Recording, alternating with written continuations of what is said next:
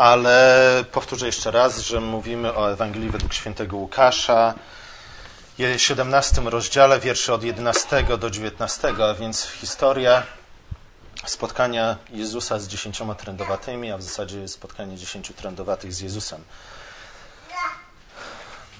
Oczywiście można więcej powiedzieć niż to, co powiedziałem do dzieci na temat tej historii, ale myślę, że, że żebyśmy. Ale ja wszystkiego nie powiem Wam, nie? bo półtorej godziny to za mało.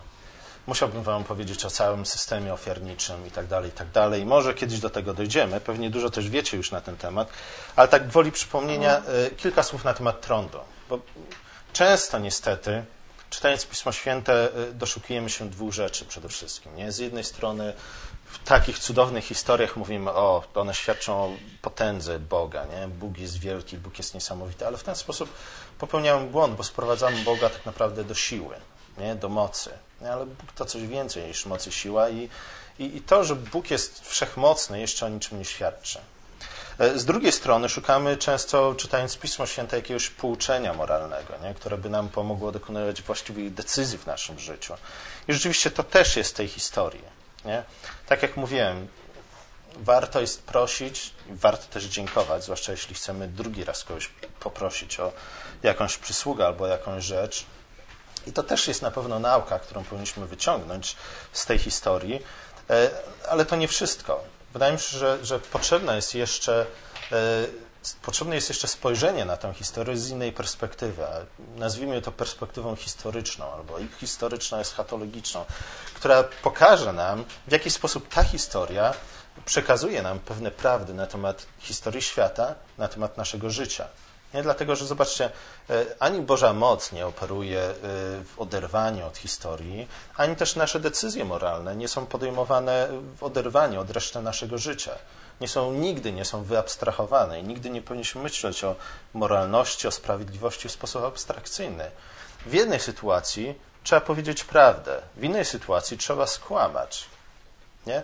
Absolutyzowanie jakiejś zasady moralnej zawsze prowadzi do, nas do w końcu do głupoty. Nie? Musimy częścią mądrości, jaką chcemy pojąć, to jest znajomość czasów, w jakich żyjemy. Musimy wiedzieć, co się dzieje na świecie, co się dzieje w naszym życiu, żebyśmy podjęli na przykład dobre decyzje. A zatem, na początek trochę spojrzenia właśnie z tej historyczno-eschatologicznej perspektywy, żebyśmy widzieli, dlaczego akurat trendowaci przyszli do Jezusa. Na pewno było wiele osób, które przyszły do Jezusa z różnymi chorobami. Nie? Przyszli alergicy, przyszli sercowcy, przyszli ci, którzy mają jeszcze inne schorzenia.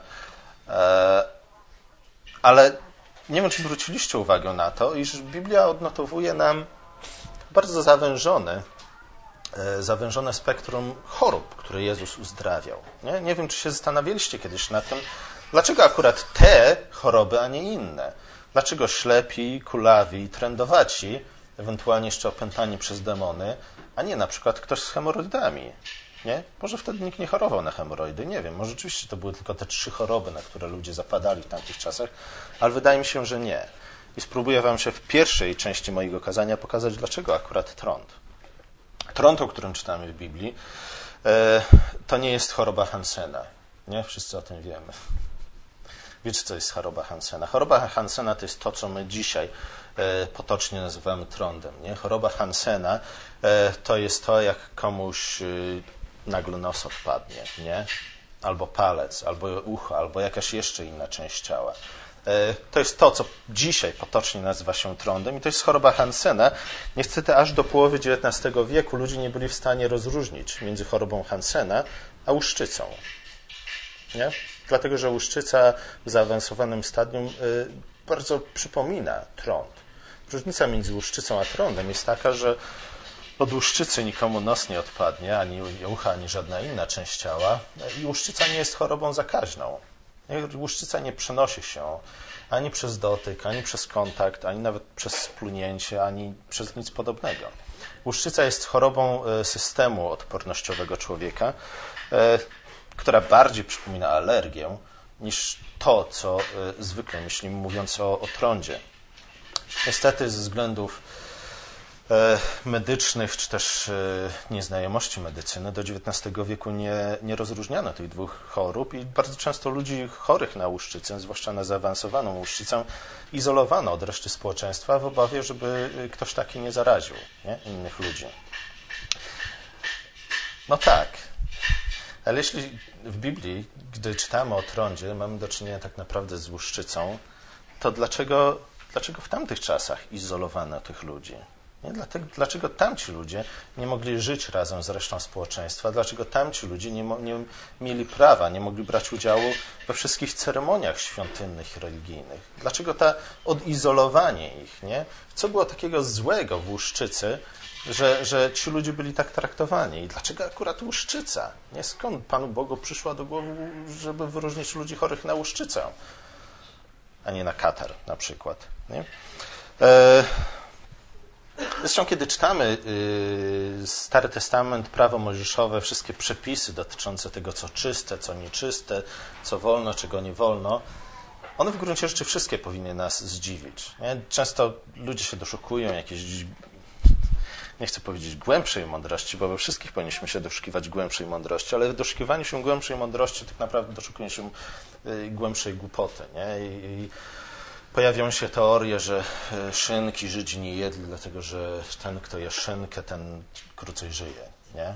Bo szynka jest niezdrowa i o wiele zdrowszym mięsem jest mięso krowy, czy kury, czy czegoś innego.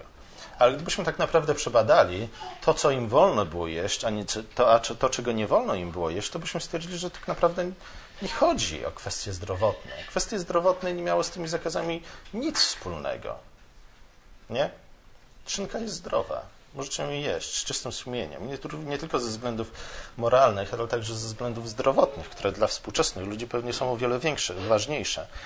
E, dlaczego arcykapłanem w Starym Testamencie nie mógł zostać eunuch? Nie? Cóż takiego? Nie? Czy, czy chodziło o to, że miał wyższy głos niż reszta mężczyzn? Czy chodziło o coś innego? Nie? Skąd te wszystkie dziwne przepisy? Wydaje mi się, że e, dla zrozumienia tego, zamiast badać, e, czytać książki medyczne i tym podobne, powinniśmy raczej e, przeczytać, co to sama Biblia ma nam do powiedzenia na, na te wszystkie dziwne tematy i spróbować zrozumieć, dlaczego akurat te, a nie inne choroby były naznaczone, dlaczego te, a nie inne zwierzęta były zakazane, dlaczego eunuch nie mógł zostać arcykapłanem, czy kapłanem w ogóle.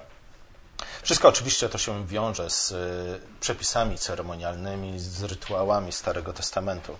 Przepisy dotyczące, dotyczące ceremonialnej czystości, między innymi, po pierwsze dotyczyły tylko i wyłącznie Izraelitów. Czytamy w Starym Testamencie o całym mnóstwie y, tak zwanych pobożnych pogan, Czyli ludzie, którzy nie byli Żydami, nie byli obrzezani, nie mieli w sobie krwi Abrahama i tak dalej, i tak. Niemniej jednak byli ludźmi wierzącymi, całym sercem oddanymi Bogu i tak dalej, i dalej. Wystarczy przeczytać księgę, księgę Jonasza. Tam czytamy o tym, że cała Niniwa się nawróciła, co wcale nie znaczy, że cała Niniwa została obrzezana. Nigdzie nie było wymogu tego, by człowiek, który się nawracał e, do, do Jahwe, musiał stać się Żydem. Nie? Stąd też ta cała dyskusja w Nowym Testamencie dla nas często niezrozumiała o tych tak zwanych judaizujących, którzy mówili, że poganie, którzy stają się chrześcijanami, mają się nie tylko ochrzcić, ale jeszcze na dodatek mają się obrzezać, bo inaczej nie będą tak naprawdę należeli do Bożego ludu. Czystość ceremonialna, przepisy dotyczące czystości ceremonialnej dotyczyły tylko i wyłącznie Izraelitów. Dlatego, że Izrael w Starym Przymierzu był szczególnym ludem, był narodem kapłańskim. Tylko i wyłącznie o nim Bóg mówi, że są narodem kapłańskim. Pobożni poganie nie byli narodem kapłańskim. Co wcale nie znaczy, że nie mogli pójść do nieba, nie mogli być zbawieni, nie mogli liczyć na życie wieczne. Chodziło o szczególną rolę Izraela. I dużo by tu tłumaczyć, może kiedyś wam wytłumaczę, teraz będę miał więcej okazji do tego, ale Między innymi chodziło o, o, to, że ci wszyscy ludzie, którzy żyli przed przyjściem Chrystusa, tak jak mówi nam Paweł w liście do Galacjan, byli traktowani przez Pana Boga jako dzieci. Niedojrzałe, niedorosłe dzieci. Nie, wybaczcie dzieci, ale inaczej my dorośli was traktujemy niż innych dorosłych. Nie? Właśnie dlatego, że jesteście dziećmi, ale traktujemy was tak, jak traktujemy, e, w nadziei, że wy również kiedyś wydoroślejecie. Nie, nie tylko urośniecie, będziecie wyżsi niż wasi rodzice, ale będziecie też mądrzejsi od waszych rodziców. Dlatego w szczególny sposób Bóg traktował Izrael w Starym Testamencie, dlatego że traktował ich jak dzieci. Nie? Dlatego też te dziwne, różne przepisy funkcjonowały wtedy, ale przestały funkcjonować po przyjściu Chrystusa. Między innymi przepisy dotyczące e, czystości ceremonialnej. Nie? Zaraz powiem o tym, na co one wskazywały, żeby wam to lepiej wyjaśnić. W każdym razie, e, coroczne oczyszczenie całego narodu izraelskiego, które dokonywało się w dniu, e, to się po hebrajsku chyba nazywa Yom Kippur, czyli w dniu e, pojednania, które tak naprawdę powinniśmy nazwać dniem zakrycia, bo tak to dosłownie brzmi.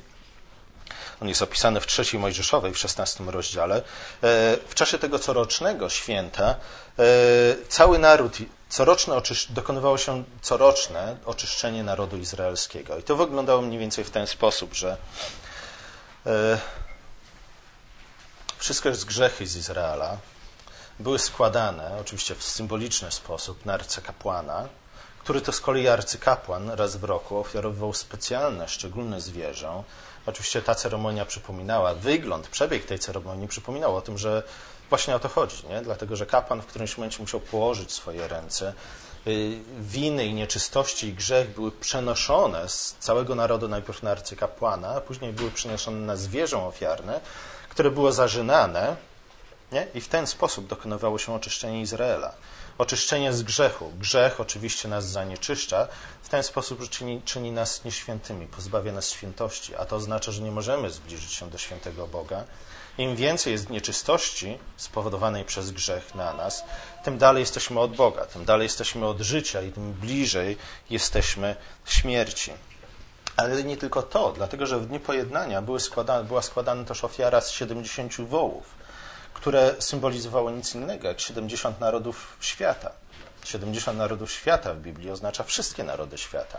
A zatem w tym dniu pojednania nieczystość z całego świata, z wszystkich narodów była składana na Izrael jako lud kapłański. Izraelici przekazywali to dalej na arcykapłana. To oczywiście wszystko się kondensowało, stąd też arcykapłan, arcykapłanem być tylko pewien człowiek. Nie? Potomek Lewiego, nie mógł to być eunuch, nie mógł robić wielu innych rzeczy. Nie? To wszystko się wiązało z tym systemem ceremonialnym. I teraz arcykapłan na końcu składał to na zwierzę. E, i dokonywało się oczyszczenie. To, że to oczyszczenie dokonywało się raz w roku, to, że to oczyszczenie musiało dokonywać się co roku, wskazywało na to, że nie jest to oczyszczenie ostateczne, że tak naprawdę cała ta ceremonia wskazywała na coś większego i zapowiadała coś większego. E, wskazywała oczywiście na Jezusa Chrystusa, który jest nazwany w szczególny sposób, właśnie w związku z całym tym systemem ofiarniczym opisanym w Starym Testamencie. Może, ma, może się domyślacie, co ma nam, mam na myśli. Nie? Jaki tytuł przypisany Chrystusowi wiąże się z systemem ofiarniczym? Jezus jest kim? Barankiem Bożym, nie? E, na którego są złożone grzechy całego świata i, i który przez swoją śmierć oczyszcza nas i cały świat i wszystkie narody z naszych grzechów. I On jedna nas z Bogiem. I to, że jego ofiara jest y, jednorazowa i nigdy nie będzie powtórzona, świadczy o tym, że to jest ta prawdziwa ofiara, na którą wskazywały te wszystkie inne ofiary i którą zapowiadały te wszystkie inne ofiary. E, a zatem, w ten symboliczny sposób, w ten ceremonialny sposób, e, grzech i nieczystość były zdejmowane z narodów, z potomków Adama i Ewy, przenoszone na Izraela. Z kolei Izrael E, raz w roku sąd, który spadał w ten sposób na Izrael, raz w roku był przenoszony na arcykapłana, w końcu na zwierzę ofiarne i cała ta sekwencja wskazywała na Jezusa, który jest barankiem Bożym, który gładzi grzechy świata. W tym systemie ofiarniczym każdego rodzaju nieczystość korespondowała z odpowiednim elementem upadku. Nie? Mówimy o upadku Adama, o upadku ludzkości w grzech opisanej w trzecim i w czwartym rozdziale pierwszej księgi Mojżeszowej. Nie będę Wam tego wszystkiego dokładnie wyjaśniał. Chciałbym tylko zwrócić Waszą uwagę, że są poważne podstawę do tego, by twierdzić, iż właśnie każdego rodzaju nieczystość ceremonialna łączyła się z pewnym elementem upadku Adama, a więc upadku całej ludzkości w grzech. Nieczyst, nieczystość związana z kontaktem z padliną nieczystych zwierząt, a także ze spożywaniem ich mięsa, odpowiadała sądowi nad wężem. Nieczysto, nieczystość związana z porodem odpowiadała sądowi nad, nad kobietą. Nie? Zobaczcie, pamiętacie, że sąd nad kobietą wiązał. Sąd nad wężem wiązał się z tym, co wąż jadł, i sąd nad wężem wiązał się z tym, w jaki sposób wąż poruszał się. Wąż porusza się bezpośrednio po ziemi, po prochu. Proch nieożywiony przez ducha symbolizuje oczywiście śmierć. I wąż też na dodatek połyka proch, żywi się prochem. Oczywiście później wiemy, że że to oznacza nic innego, jak żywienie się ludźmi, którzy żyją z dala od Boga. Człowiek został stworzony z prochu. Nie? To, że wąż żywi się prochem, oznacza nic innego, jak to, że wąż żywi się e, ludźmi, którzy żyją z dala od Boga. Nie? Ludźmi, którzy z powodu grzechu są oddaleni od źródła życia, są pozbawieni Ducha Bożego, a więc są tylko wyłącznie prochem, a więc są ludźmi martwymi. Dlatego w Nowym Testamencie chyba Piotr może powiedzieć o tym, nie? że e, szatan jest jak ten lew ryczący, który krąży wokół nas i, i, szuka jakby to połknąć. Jeśli da radę, to nawet połknąć i zjeść y, wybranych. Y, sąd nad kobietą był związany z porodem, nie? Była zapowiedź bólów porodowych i tak dalej. I rzeczywiście pewien rodzaj nieczystości był związany z porodem. Kobieta, która urodziła dziecka, musiała przejść specjalny ceremoniał oczyszczenia po to, żeby móc znów uczestniczyć y, w życiu w kulcie świątynnym. I znów przez wiele lat, wiele wieków różni teologiowie mówili, że to oznacza, że poród i w ogóle rodzenie dzieci, w ogóle najgorzej to już z płodzeniem dzieci, nie jest czymś strasznym, okropnym, grzesznym powinno się odbywać tylko i wyłącznie chyba pod groźbą ży utraty życia. Nie? E, I od razu człowiek powinien pójść do spowiedzi i tak dalej. Nic podobnego. Nie? Urodzenie dziecka nie ma w sobie nic grzesznego. E, oczyszczenie kobiety, która wydała na świat dziecka, nie wiązało się z żadnym konkretnym grzechem tej kobiety. Nie? Było raczej symbolicznym przypomnieniem upadku Adama i symbolicznym przypomnieniem skutków upadku Adama. Było przypomnieniem tego, o czym czytamy w trzecim rozdziale pierwszej księgi, księgi Mojżeszowej. E, nieczystość związana z trądem, nie? tu dochodzimy. Nieczystość związana z trądem, a więc z określonego rodzaju zmianami na skórze człowieka, tudzież na ścianie domu, odpowiadała sądowi nad czym? Tudzież nad kim? Jeśli mamy węża, jeśli mamy kobietę, to potem przychodzi w trzecim rozdziale pierwszej Mojżeszowej co? Sąd nad, nad Adamem, nad mężczyzną. Nie? I Bóg mówi, w pocie oblicza Twego będziesz jadł chleb, aż wrócisz do ziemi, z której zostałeś wzięty, bo prochem jesteś i w proch się obrócisz. E, pot oblicza, nie? kiedy pot wystąpi na nasze ciało, pot często zmienia nasze ciało. Wiele by o tym mówić, ale e, od potu mogą na naszym czole pojawić się liszaje, nie? sól podrażnia naszą skórę i tak dalej. E, wszystkie techniczne sprawy mogą później wyjaśnić uwierzcie mi na słowo, że, że y, to jest to połączenie. Nie? I znów, e, dlatego trąd sam w sobie nie był żadnym grzechem, dlatego ci ludzie nie byli, e, nie musieli żyć z dala od normalnych osad ludzkich, bo uczynili coś złego.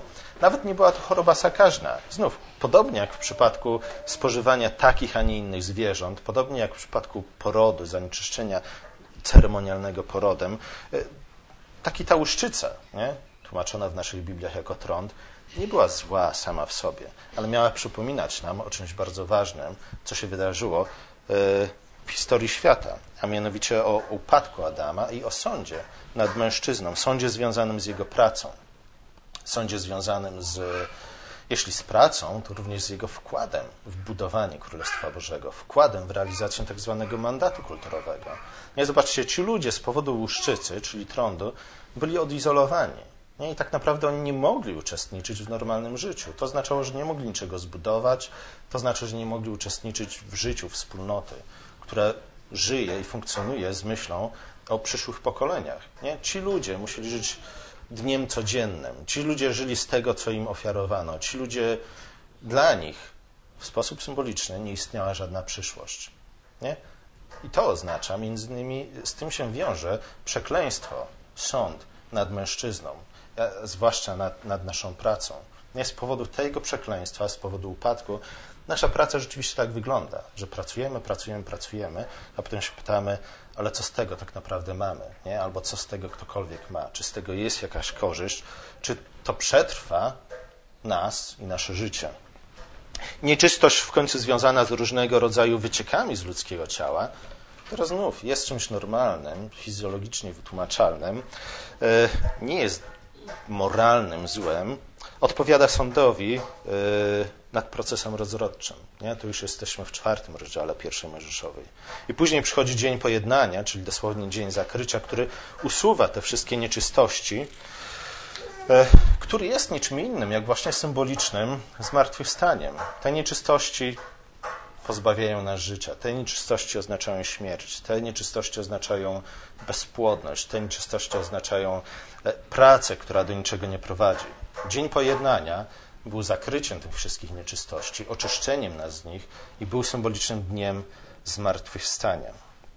W tym to kontekście oczyszczenie dziesięciu trędowatych nabiera, wydaje mi się, szerszego znaczenia. Zwłaszcza, że dotyczy nie tylko Żydów, ale też Samarytanina, którego Jezus wyraźnie nazywa cudzoziemcem. Jezus występuje w tej historii zatem nie tylko jako wielki lekarz, jako wszechmocny syn Ojca, e, ale przede wszystkim jako wielki kapłan i baranek Boży, który oczyszcza ludzi, oczyszcza też narody, uwalniając je z piętna grzechu i sądu, a tym samym przywracając do życia, udzielając nowe życie i przywracając do wspólnoty z Bogiem. Pamiętamy, że te wszystkie nieczystości z jednej strony symbolizowały śmierć, ale z drugiej strony w realny sposób e, przypominały nam, że człowiek naznaczony grzechem, człowiek nieoczyszczony ze swojego grzechu, żyje na wygnaniu, na wschód od Edenu. Nie? Bóg wygnał nas na wschód od Edenu, z dala od drzewa życia i drzewa poznania. Kain, gdy zabił Abla, udał się jeszcze dalej, bardziej na wschód. Nie? Im bardziej grzeszymy, tym bardziej oddalamy się od źródła życia i od źródła mądrości, od drzewa życia, od drzewa poznania. Chrystus oczyszcza nas czyni nas znów świętymi. To znaczy, że możemy zbliżyć się do Boga, możemy przyjść do drzewa życia, możemy przyjść do drzewa poznania, możemy karmić się życiem i mądrością Boga. I to wszystko czyni Jezus. Nie? A zatem Jezus nie tylko przychodzi do naszego życia po to, żeby je trochę podreperować, nie tylko przychodzi do naszego życia po to, żeby nas uzdrowić, nie tylko przychodzi do naszego życia, żeby mi się znów w pracy zaczęło lepiej powodzić, albo żebym się przestał kłócić z żoną. Nie, to wszystko są ważne rzeczy. I, I to również Jezus może nam dać, jeśli zechce. Ale to nie jest najważniejszy cel, ani też najważniejszy dar, jaki Jezus przynosi nam w naszym życiu. Przede wszystkim On daje nam nowe życie, dzięki któremu znów możemy uczestniczyć w życiu Boga dzięki któremu my znów możemy uczestniczyć w budowaniu Bożego Królestwa, a więc innymi słowy w realizacji mandatu kulturowego, a więc tego pierwszego przykazania, które Bóg dał człowiekowi po jego stworzenia. To oznacza, że nasze życie, hej, nie musimy już więcej żyć naszymi codziennymi problemami. Nasze codzienne problemy są realnymi problemami, rzeczywiście nas stresują, rzeczywiście nam przeszkadzają, ale możemy żyć, wiedząc, że uczestniczymy w czymś o wiele większym niż nasze codzienne problemy. O tym pewnie więcej można było powiedzieć, ale półtorej godziny się zbliża do końca. E, jest to więc kolejny fragment. Kolejny fragment, w którym widzimy Jezusa nie w pierwszej kolejności jako wielkiego lekarza. Nie? Nie powinniśmy, nasze myślenie o Jezusie Chrystusie nie powinno być tak małe, że, że będziemy ograniczyć nasz, ograniczać nasze prośby modlitewne tylko i wyłącznie do uzdrowienia. Zdrowie nie jest najważniejsze. Wielu ludzi odpadło od wiary, dlatego że uważali, że ich zdrowie jest najważniejsze nie? i że, że Jezus jest dla nich wielkim lekarzem. Albo wielu ludzi odpadło od wiary, dlatego że myśleli, że rodzina jest najważniejsza i myśleli, że jak będą y, odpowiednio długo i w odpowiedni sposób modlić się do Jezusa, to, to ich życie rodzinne się ułoży super glans. Nie? Powinniśmy nie możemy myśleć w tak mały sposób o Jezusie Chrystusie. Jego panowanie nie ogranicza się tylko wyłącznie do naszego zdrowia i naszego osobistego szczęścia. Jego panowanie obejmuje całe stworzenie i całą historię. Jest to kolejny fragment Biblii mówiący o nowym stworzeniu dokonanym przez Jezusa. W Nowym Przymierzu nie ma już podziału między na Żydów i Greków. Jedni i drudzy mają w Chrystusie otwarty dostęp do Boga oraz bogactwa Jego chwały i mądrości. Czas wygnania z Edenu definitywnie się skończył.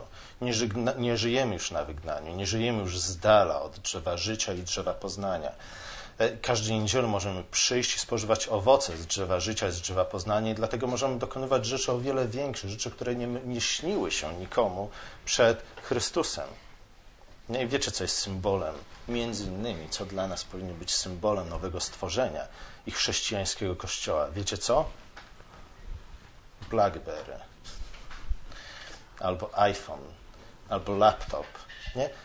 albo podróż na księżyc. Nie? To są rzeczy, które nikomu się wcześniej nie śniły, a którymi my możemy się cieszyć właśnie ze względu na to, że nie ma już podziału na Żydów i Greków i nie ma już, nie, nie żyjemy z dala, nie, na jałowej ziemi, gdzie nasza praca do niczego nie prowadzi, nasza praca dzisiaj zbudujemy, jutro przyjdzie huragan i to zburzy. Nie? My nie, nie boimy się już tych rzeczy. To nie znaczy, że nigdy nie przyjdzie huragan i nie zdejmie dachu z mojego domu, nie? ale to oznacza, że to nie, to nie jest koniec życia, to nie jest koniec świata. Nie? Ja nie muszę żyć e, w obawie przed tymi rzeczami. One nie muszą mnie paraliżować. Moja perspektywa na życie jest o wiele większa niż moje zdrowie, moja rodzina i dach na moim domu. Ale więcej o tym przy innej okazji. Jeśli Jezus jest barankiem Bożym, który przynosi oczyszczenie i nowe życie, a także otwiera dostęp do tronu łaski, to historia dziesięciu trędowatych opowiada nie tylko o cudownym uzdrowieniu, ale przede wszystkim o nowej wspólnocie wiernych. Nie? Bo to też nie powinna, ta perspektywa nie powinna nam uciec. Dlatego, że te wszystkie cudowne rzeczy, rzeczy, które się nikomu nie śniły przed Chrystusem, yy, rzeczy, których ludzie się bali przed Chrystusem. Nie? Zobaczcie, ta cała dyskusja na temat tego obrzezać czy nie obrzezać, nie dla nas ona jest często abstrakcyjna, być może dlatego, że nie za bardzo znamy w ogóle, czym było obrzezanie i co oznaczało. Ci ludzie bali się nowego stworzenia. Ci ludzie bali się Chrystusa. Ci ludzie nie chcieli polecieć na księżyc. Ci ludzie nie chcieli mieć internetu.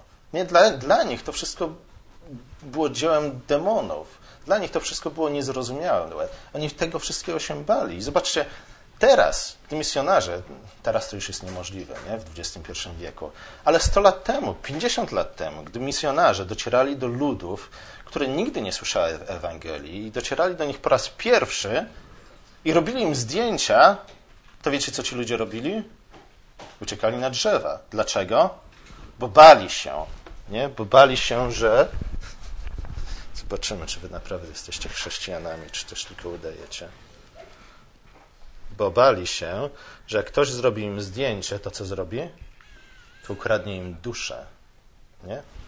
Ci ludzie wszystkiego się bali. Ci ludzie, gdyby zobaczyli mnie, rozmawiam przez komórkę, to by powiedzieli, to by od razu poszli znów do lasu. Nie, nie po to, żeby się ukryć na drzewach tym razem, ale po to, żeby nazbierać chrust. I co by zrobili potem z tym chrustem? Nie? Obłożyliby mnie dookoła tym chrustem, polali benzyną i podpalili, bo znów stwierdzili, że to są demony. Dlatego kultury i cywilizacje, które nie znają Chrystusa, tak naprawdę tkwią w stagnacji i nigdy się nie rozwijają. Ale w tym wszystkim nie powinniśmy zapominać o wspólnocie wiernych, o nowej wspólnocie wiernych. Ciekawe jest to, że spotkanie dziesięciu trendowatych, to jest, nie, dziesięciu trendowatych też tworzyło pewnego rodzaju wspólnotę. Zobaczcie, że to było dziesięciu trądowatych. Oni żyli razem z dnia na dzień, niemniej jednak razem. Też tworzyli pewnego rodzaju wspólnotę. W ogóle całe te cztery, pięć rozdziałów, w których mieści się między innymi ta historia, spotkanie Jezusa z dziesięcioma trędowatymi, wydaje się, że, że wątek y, wspólnoty wiernych, czy też Bożego Ludu, jest tam wątkiem, tematem dominującym. W ogóle w czternastym rozdziale rozpoczyna się od tego, że Jezus przychodzi, jest zaproszony przez faryzeusza, przychodzi do jego domu, zasiada przy stole. I od tego momentu zaczyna się w ogóle rozmowa i dyskusja na temat tego, czym jest prawdziwa wspólnota, czym jest przyjaźń, czym są więzi, które powinny charakteryzować wspólnotę Bożego Ludu. Jezus wielokrotnie wytyka faryzeuszom, że e, dla nich poprawność sprawowania ceremonii była o wiele ważniejsza niż to, na co te ceremonie wskazywały. Nie? Na skminu i kopru czegoś tam jeszcze była o wiele ważniejsza niż sprawiedliwość, miłosierdzie, na które ta dziesięcina powinna wskazywać, nie? I do których ta dziesięcina ich wyzywała. E, w następnym rozdziale Jezus mówi o zgubionej owcy i drachmie, a także o synu marnotrawnym. Nie, zobaczcie, zwłaszcza w przypadku syna marnotrawnego, ale także w przypadku tych dwóch krótkich przypowieści o, o zgubionej owcy, o zgubionej drachmie, zobaczcie, że tam właśnie chodzi o to. Nie? Są jakieś więzi, są jakieś relacje i owca i drachma symbolizują grzesznika, czyli człowieka, który jest, żyje na wschód od Edenu, nie? jest wyobcowany od Boga. W przypadku syna marnotrawnego mamy tam ojca i dwóch synów i coś się popsuło w ich wzajemnej relacji, więc ta przypowieść nie jest w pierwszej kolejności o przebaczeniu grzechów, również o tym mówi, ale ta przypowieść mówi, mówi przede wszystkim o pojednaniu, jakie się dokonało dzięki przebaczeniu grzechów między ojcem i przynajmniej jednej z braci, nie? Miejmy nadzieję, że z drugim też. E, w następnym właśnie rozdziale Jezus gani faryzeuszów za jednostronną, a tym samym hipokrytyczną pobożność. Zadowalali się uczestnictwem w ceremoniach, ale nie y, wiedzieli, czy też ignorowali wezwanie, które ukryło się w ceremoniach, wezwanie do miłosierdzia i sprawiedliwości. Zobaczcie, że o ile w ceremonii my jesteśmy w stanie uczestniczyć y, indywidualnie, samodzielnie, nie dlatego, dlatego w czasach reformacji reformatorzy tak bardzo i zdecydowanie występowali przeciwko prywatnej mszy. Co to jest prywatna msza? Nie ma nic takiego w Piśmie Świętym i nie ma to nic wspólnego z chrześcijańską wspólnotą, z Kościołem. Nie ma czegoś takiego jak moja indywidualna, wyizolowana od całej reszty relacja z Jezusem. Gdy mówimy o tym, o osobistej relacji z Jezusem, nigdy nie możemy mieć na myśli prywatnej relacji z Jezusem. Nie ma czegoś takiego. Podczas gdy nie można być człowiekiem sprawiedliwym miłosiernym w oderwaniu od innych ludzi. Nie? Sprawiedliwość i miłosierdzie pojawia się tylko i wyłącznie między dwoma osobami. Człowiek, który żyje na bezludnej wyspie, nie jest ani sprawiedliwy, ani, ani miłosierny, a przynajmniej nie jest w stanie w żaden sposób okazać swojej sprawiedliwości i swojego miłosierdzia, chyba że uzna, tak jak, jak on się nazywał, Peter Berger chyba, tak? Był taki etyk, który stwierdził, że zwierzęta są naszymi starszymi braćmi i powinniśmy je traktować po ludzku. Akapit ukazujący spotkanie Jezusa z dziesięcioma trędowatymi warto rozpatrywać właśnie w kontekście tej szerszej, szerszej dyskusji o prawdziwej pobożności, o prawdziwej wierze, a także o prawdziwej pobożności, prawdziwej wierze, która pojawia się, występuje i jest w stanie tylko, rozwijać się tylko i wyłącznie w kontekście wspólnoty wiary. E, intrygujące jest to, że, że cała dziesiątka prosiła Jezusa o pomoc, nawet nazwała go mistrzem. Nie? Tu już przechodzimy do, do omówienia istoty prawdziwej wiary, po to, by pokazać, w jaki sposób prawdziwa wiara tworzy prawdziwą wspólnotę. Wszyscy, wszyscy rozpoznali w Jezusie mistrza. Wszyscy rozpoznali w Jezusie wielkiego lekarza. Wszyscy rozpoznali w Jezusie tego, który może im pomóc. A przynajmniej stwierdzili, a nie zaszkodzi poprosić. Nie? Dlatego, że wcześniej Jezus już uzdrowił przynajmniej jednego trędowatego. Na początku Ewangelii Łukasza już czytamy o uzdrowieniu jednego trędowatego. Pewnie usłyszeli i powiedzieli, uzdrowił jednego, być może uzdrowi również nas. Przyszli do Jezusa i myślę, że to było coś więcej niż takie, a co nam szkodzi, nie? Raz skorzy śmierć, jak go poprosimy, nic nam się nie stanie. Nie, i tak jesteśmy wyrzutkami, więc nie możemy być większymi wyrzutkami niż jesteśmy zaryzykujemy. Myślę, że to było coś więcej, dlatego że Jezus im powiedział: idźcie, ukażcie się kapłanom. I oni zostali uzdrowieni w czasie, gdy szli do kapłanów, nie? w drodze do kapłanów. To nie było tak, że najpierw zostali uzdrowieni, a potem powiedzieli, a rzeczywiście jesteśmy uzdrowieni, to pójdźmy do kapłanów. Nie. Oni zaczęli iść do kapłanów w momencie, gdy byli jeszcze chorzy. Nie? Okazali więc jakąś wiarę. Rozpoznali, zobaczcie, rozpoznali w Jezusie, teraz zniszczę waszą wiarę. E, rozpoznali w Jezusie wielkiego lekarza. Nie? Poprosili go o pomoc. Wiedzieli, że Jezus jest ich jedyną nadzieją. Okazali wiarę, dlatego że i posłuszeństwo zrobili to, co Jezus im kazał, przez wiarę, nie przez oglądanie. Zanim zobaczyli, że są uzdrowieni, już poszli. E, niestety, niestety, tylko jeden z nich wrócił, żeby podziękować. Co to mówi nam na temat istoty, natury prawdziwej wiary? Tylko jeden wrócił, by podziękować, tylko jeden padł przed Jezusem, oddając cześć Bogu. Nie? Tylko jeden padł przed Jezusem, oddając cześć Bogu. Nie tylko okazał wdzięczność za dar, ale też rozpoznał, że, że Jezus jest prawdziwym przedstawicielem Boga, że jest nowym arcykapłanem w nowym porządku, że poprzez Jezusa Chrystusa Bóg działa. Nie? To niszczy podstawy wszelkiego ruchu y, ekumenii bardzo szeroko rozumianej, y, prowadzącej do stwierdzenia, że wszystkie religie są takie same. Nie? Jezus jest wyjątkowy. Ta historia między innymi to nam pokazuje. Pokazał w ten sposób ten jeden człowiek, że e, jego wiara w istotny sposób różniła się od wiary tych pozostałych dziewięciu. E, po pierwsze, dlatego, że była to wdzięczna wiara. Nie? Ten człowiek posługiwał się dwoma magicznymi słowami. Nie tylko potrafił powiedzieć proszę, ale również potrafił powiedzieć dziękuję. Była to wdzięczna wiara. I tylko taka wiara, wiara, która jest wdzięczna, wiara, która dziękuję, wiara, która, nazwijmy to nawet w ten sposób, odwzajemnia się Bogu, odpowiada na miłosierdzie Boże wdzięcznością, jest prawdziwą wiarą. E, to, co mam na myśli, mówiąc o prawdziwej wierze, zaraz zobaczymy. Po drugie, była to wiara, która prowadziła do wielbienia Boga. Nie? To jest kolejna odpowiedź, która cechuje i po której możemy rozpoznać prawdziwą wiarę. I po trzecie, była to wiara, która rozpoznała w Jezusie prawdziwego i najważniejszego, jednego w pewnym sensie pośrednika między człowiekiem a Bogiem.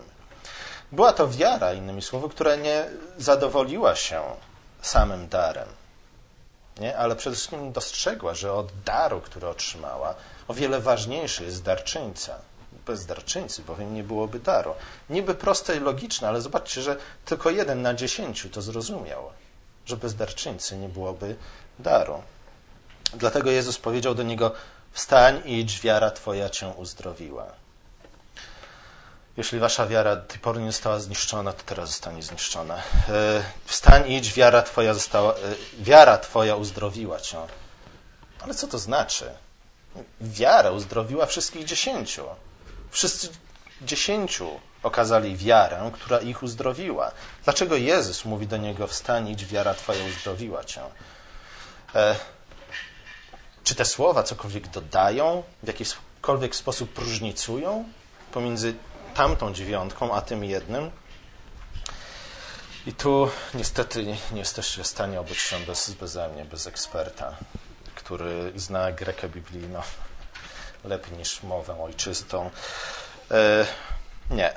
Ale chodzi o to, Chodzi o to, że jednak różnica jakaś musi być, powinna być. Nie? I kiedy zajrzymy do oryginału albo do, do, innych, trochę lepszych tłumaczeń niż te, którymi my się posługujemy, to zobaczymy, że tam e, słowo, które tu zostało przetłumaczone jako uzdrowienie, e, w języku greckim, czy w greckim oryginale znajdujemy słowo sodzo.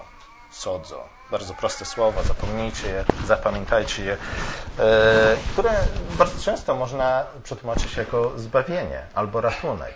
W języku angielskim słowo save oznacza wszystko. Ratunek, zbawienie, uzdrowienie itd., tak itd. Tak Nie wszystkie te stany można wyrazić przy pomocy tego jednego słowa save. Tak samo jest z greckim sodzo. Ono oznacza ratunek, ono oznacza uzdrowienie, ono może oznaczać również zbawienie.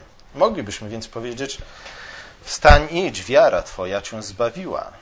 Nie? I wydaje się, że rzeczywiście w tych słowach Jezus zwraca nam uwagę, że w tym człowieku widzimy istotę, naturę e, prawdziwej, zbawczej wiary. Nie, żeby wiara tamtych ludzi była nieprawdziwa. Oni też w jakiś sposób wierzyli w Jezusa, ale to nie była wiara zbawcza. Nie, to nie była wiara, która, dzięki której tamci ludzie posiedli życie wieczne. Ta wiara jest wiarą, która daje nam życie wieczne. Nie, żeby nie było tak, że ja teraz wam coś tu zmyślam i tak dalej. E, Jakub, brat pański, który napisał jeden z listów Nowego Testamentu, jak najbardziej się ze mną zgadza. Nie? On też mówi o dwóch, dwóch rodzajach wiary. Mówi, jest jedna wiara i jest druga wiara. Jest wiara zbawcza, jest wiara, która cechuje także demony. E, a różnica między jedną i drugą wiarą leży w posłuszeństwie, nie? a więc w reakcji. Jedna wiara jest czynna, jedna wiara nie ogranicza się tylko do słuchania, ale też do wykonywania tego, co Bóg mówi, a druga wiara ogranicza się do stwierdzenia, że rzeczywiście Jezus jest wielkim lekarzem. Rzeczywiście Bóg może zrobić rzeczy, których my nigdy w życiu nie bylibyśmy w stanie zrobić. Nie? Bóg jest lepszy niż najlepszy alergolog, jakiego znam w okolicy. Nie? To jest ta różnica. E, a zatem prawdziwa wiara, zbawcza wiara to jest wiara, która jest wdzięczna, która e, ceni darczyńcę bardziej niż dar i rozumie, że bez darczyńcy nie byłoby żadnego daru. Jest to wiara, która prowadzi też do wielbienia Boga. Jest to wiara, która rozpoznaje w Jezusa, jednego pośrednika między człowiekiem a Bogiem. Tylko w imieniu Jezusa możemy być zbawieni. A zatem, jak Calvin napisał w komentarzu do tej historii, bieda i głód rodzą wiarę, lecz dostatek ją zabija. My mamy też podobne przy, przy, przysłowie polskie, jak trwoga to do Boga, nie? ale jak skończy się trwoga, to wracamy do naszego codziennego życia. Tak niestety często wygląda nie? nasza pobożność. Wszystkich dziesięciu trędowatych cierpiało z powodu trądu. Wszyscy przyszli do Jezusa, wszyscy nazwali Go mistrzem, wszyscy okazali wiarę wystarczającą do tego, żeby otrzymać uzdrowienie, ale tylko jeden został zbawiony, tylko jeden otrzymał życie wieczne. Pozostali zapomnieli w Jezusie w chwili, gdy dostali od Niego tego, czego potrzebowali. Nie? Gdy potrzebowali, nazwali Go nawet mistrzem. Nawet wysilili się na to, by krzyknąć na Jezusa albo do Jezusa. Ale jak dostali to, co potrzebowali, zapomnieli o Jezusie. Nie? Taki rozwój wypadków nie powinien nas jednak dziwić. W kazaniu na górze Jezus mówi: Nie każdy, kto mówi do mnie, Panie, Panie, wejdzie do Królestwa Niebios, lecz tylko ten, kto pełni wolę Ojca mojego. Ja tam, gdy, gdy rozwija ten wątek, Jezus mówi: Co z tego, że prorokowali, co z tego, że uzdrawiali w moim imieniu, jeśli są mi nieposłuszni, jeśli nie robią tego, czego od nich oczekują, jeśli zawsze są mądrzejsi ode mnie i wiedzą lepiej. Z kolei w liście do Hebrajczyków w szóstym rozdziale czytamy, że można zostać oświeconym światłem Ducha Świętego, zakosztować daru niebiańskiego, a nawet stać się uczestnikiem Ducha Świętego i zakosztować Słowa Bożego i cudownych mocy wieku przyszłego. Można mieć te wszystkie rzeczy, zrobić to wszystko, doświadczyć tego wszystkiego, a jednak odpaść. Nie? Tak mówi prawdopodobnie święty Paweł w liście do Hebrajczyków. Coś podobnego Jezus stwierdza w przypowieści o czworakiej roli. Można więc otrzymać od Boga niezwykłe dary, a nawet dostąpić cudownego uzdrowienia, to jednak nic nie znaczy, jeśli nie spotka się z właściwą odpowiedzią.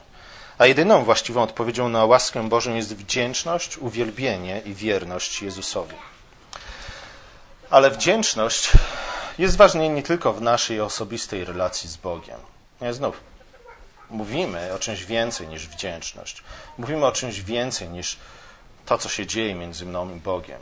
Nie? Jest coś, co powinno uzupełnić ten obraz. Od 14 rozdziału Ewangelii Łukasza począwszy, dyskusja dotyczy wspólnoty, nie? nowego Bożego Ludu. Czym tak naprawdę co tak naprawdę cechuje i co tworzy wspólnotę Bożego Ludu. I wydaje się, że wdzięczność jest tym elementem, która jest nieod, nieod, nieodzowna do tego, żeby jakakolwiek wspólnota mogła, może nie zaistnieć, ale jakakolwiek wspólnota mogła przetrwać.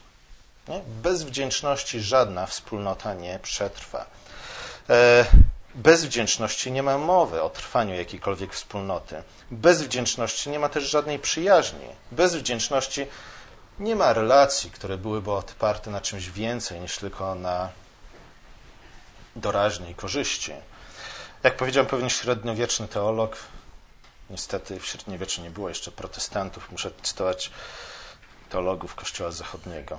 Oddawanie, odwzajemnianie się za dobrodziejstwa podtrzymuje przyjaźń. Nie? Myślę, że to jest bardzo fajna puenta podsumowująca tą całą dyskusję na temat wdzięczności. Odwzajemnianie się za dobrodziejstwa podtrzymuje przyjaźń. Jeśli zależy nam na podtrzymaniu wspólnoty, jeśli zależy nam na podtrzymaniu więzi, e, to musimy być wdzięczni. Musimy się odwzajemniać, przynajmniej dziękuję. Nie? Co najmniej tyle. Przynajmniej na tyle powinno nam, nas stać być, jeśli zależy nam na podtrzymaniu jakiejkolwiek więzi. I, i słuchajcie, ani firma, ani wspólnicy, dwóch wspólników ma świetny pomysł, zakładają firmę, po trzech latach nie, wieszają na sobie, na sobie psy nawzajem. E, żaden kościół nie jest w stanie przetrwać bez tego. Ba, żadna rodzina, nie? Wydawać by się mogło, że więzy krwi są czymś nierozerwalnym, a żadna rodzina nie jest w stanie przetrwać bez wdzięczności. Nie? To nie może być tak, że jedna strona daje, daje, daje, a druga może nawet czasami poprosi, ale w gruncie rzeczy ogranicza się do brania, brania, brania, brania. Nie? Taka więź nie przetrwa próby czasu, ani żadnego kryzysu.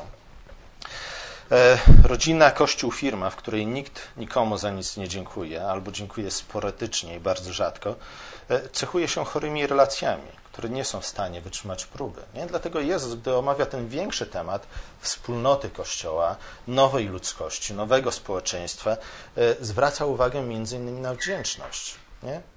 Wdzięczność cementuje naszą wspólnotę. Tak jak powinniśmy uczyć się mówić proszę, tak powinniśmy uczyć się mówić dziękuję. Nie? I to już od najmłodszych lat. I zaraz będziemy przystępować do stołu pańskiego. Nie? Zaraz będziemy spożywać ze stołu pańskiego. Poprosiliśmy go o dary, prosiliśmy o błogosławieństwa. Jezus posłuchał, nazwaliśmy go nawet naszym Panem i teraz da nam dobre dary. I dlatego wieczerzę pańską nazywamy między innymi Eucharystią, czyli dziękczynieniem. Dlatego, że to jest, zobaczcie, nie? kulminacją nabożeństwa jest przypomnienie tego, że prawdziwa komunia musi być oparta na Eucharystii. Nie? Czyli prawdziwa wspólnota musi być oparta na wdzięczności, bo bez niej nie jest w stanie zaistnieć ani przetrwać. Można by więc powiedzieć, podsumowując to wszystko, że miłość inicjuje przyjaźń, a wdzięczność ją podtrzymuje. Dlatego apostoł Paweł nazywa niewdzięczność grzechem. Nie? Mówi, że jeśli ktoś nie dziękuje za to, co otrzymał, to grzech, grzeszy. I, i to drugim Tymoteusza 3.2 wymienia niewdzięczność na równi z tak wielkimi i strasznymi grzechami, jak zabóstwo, cudzołóstwo i tym podobne. E, niewdzięczność jest grzechem, dlatego że zabija ona miłość i niszczy przyjaźń. Więź, w której jedna strona daje, a druga bierze i nigdy nie dziękuje, nie okazuje w żaden sposób wdzięczności, nie przetrwa. Nie? Taka miłość, jakkolwiek by nie była ofiarna, zginie. Nie? Niewdzięczność zabija miłość i wdzięczność, nie, i przyjaźń. Pomódlmy się. Nasz drogi łaskawy Ojcze, dziękujemy Ci za tę historię, dziękujemy Ci za to, że przypomniała nam o tym, o, o tych wszystkich zmianach, jakie dokonały się w świecie, w życiu rodzaju ludzkiego, w historii rodzaju ludzkiego wraz z przyjściem Chrystusa. Dziękujemy Ci za to, że nie musimy już żyć na wygnaniu. Dziękujemy Ci za to, że nie musimy żyć w wyobcowaniu od Ciebie i od siebie nawzajem, ale Ty otworzyłeś nam przez krew Jezusa Chrystusa drogę do drzewa życia, drzewa poznania i budujesz z nas nową wspólnotę, nową ludzkość, tak abyśmy mogli żyć w bliskiej więzi z Tobą i w bliskiej więzi z sobą nawzajem. Drogi Ojcze, dziękujemy Ci za przypomnienie o tym, jak bardzo ważna jest wdzięczność w tworzeniu i w pielęgnowaniu, w budowaniu wszelkiego rodzaju wspólnoty i bliskich relacji. Prosimy Cię, Ojcze, o to, abyśmy, aby ona właśnie nas cechowała, abyśmy nigdy nie zapominali dziękować, przynajmniej podziękować, przynajmniej w taki sposób odwzajemnić się za dobroć, jaką otrzymujemy nie tylko od Ciebie, ale też od tych ludzi, których stawiasz na naszej drodze. Prosimy Cię, y, ucz nas wdzięczności. Prosimy Cię o to w imieniu Twojego Syna, Jezusa Chrystusa. Amen. A wykorzystałem tylko połowę czasu. Może coś jeszcze dodam? Nie, to zaoszczędzę Wam tego.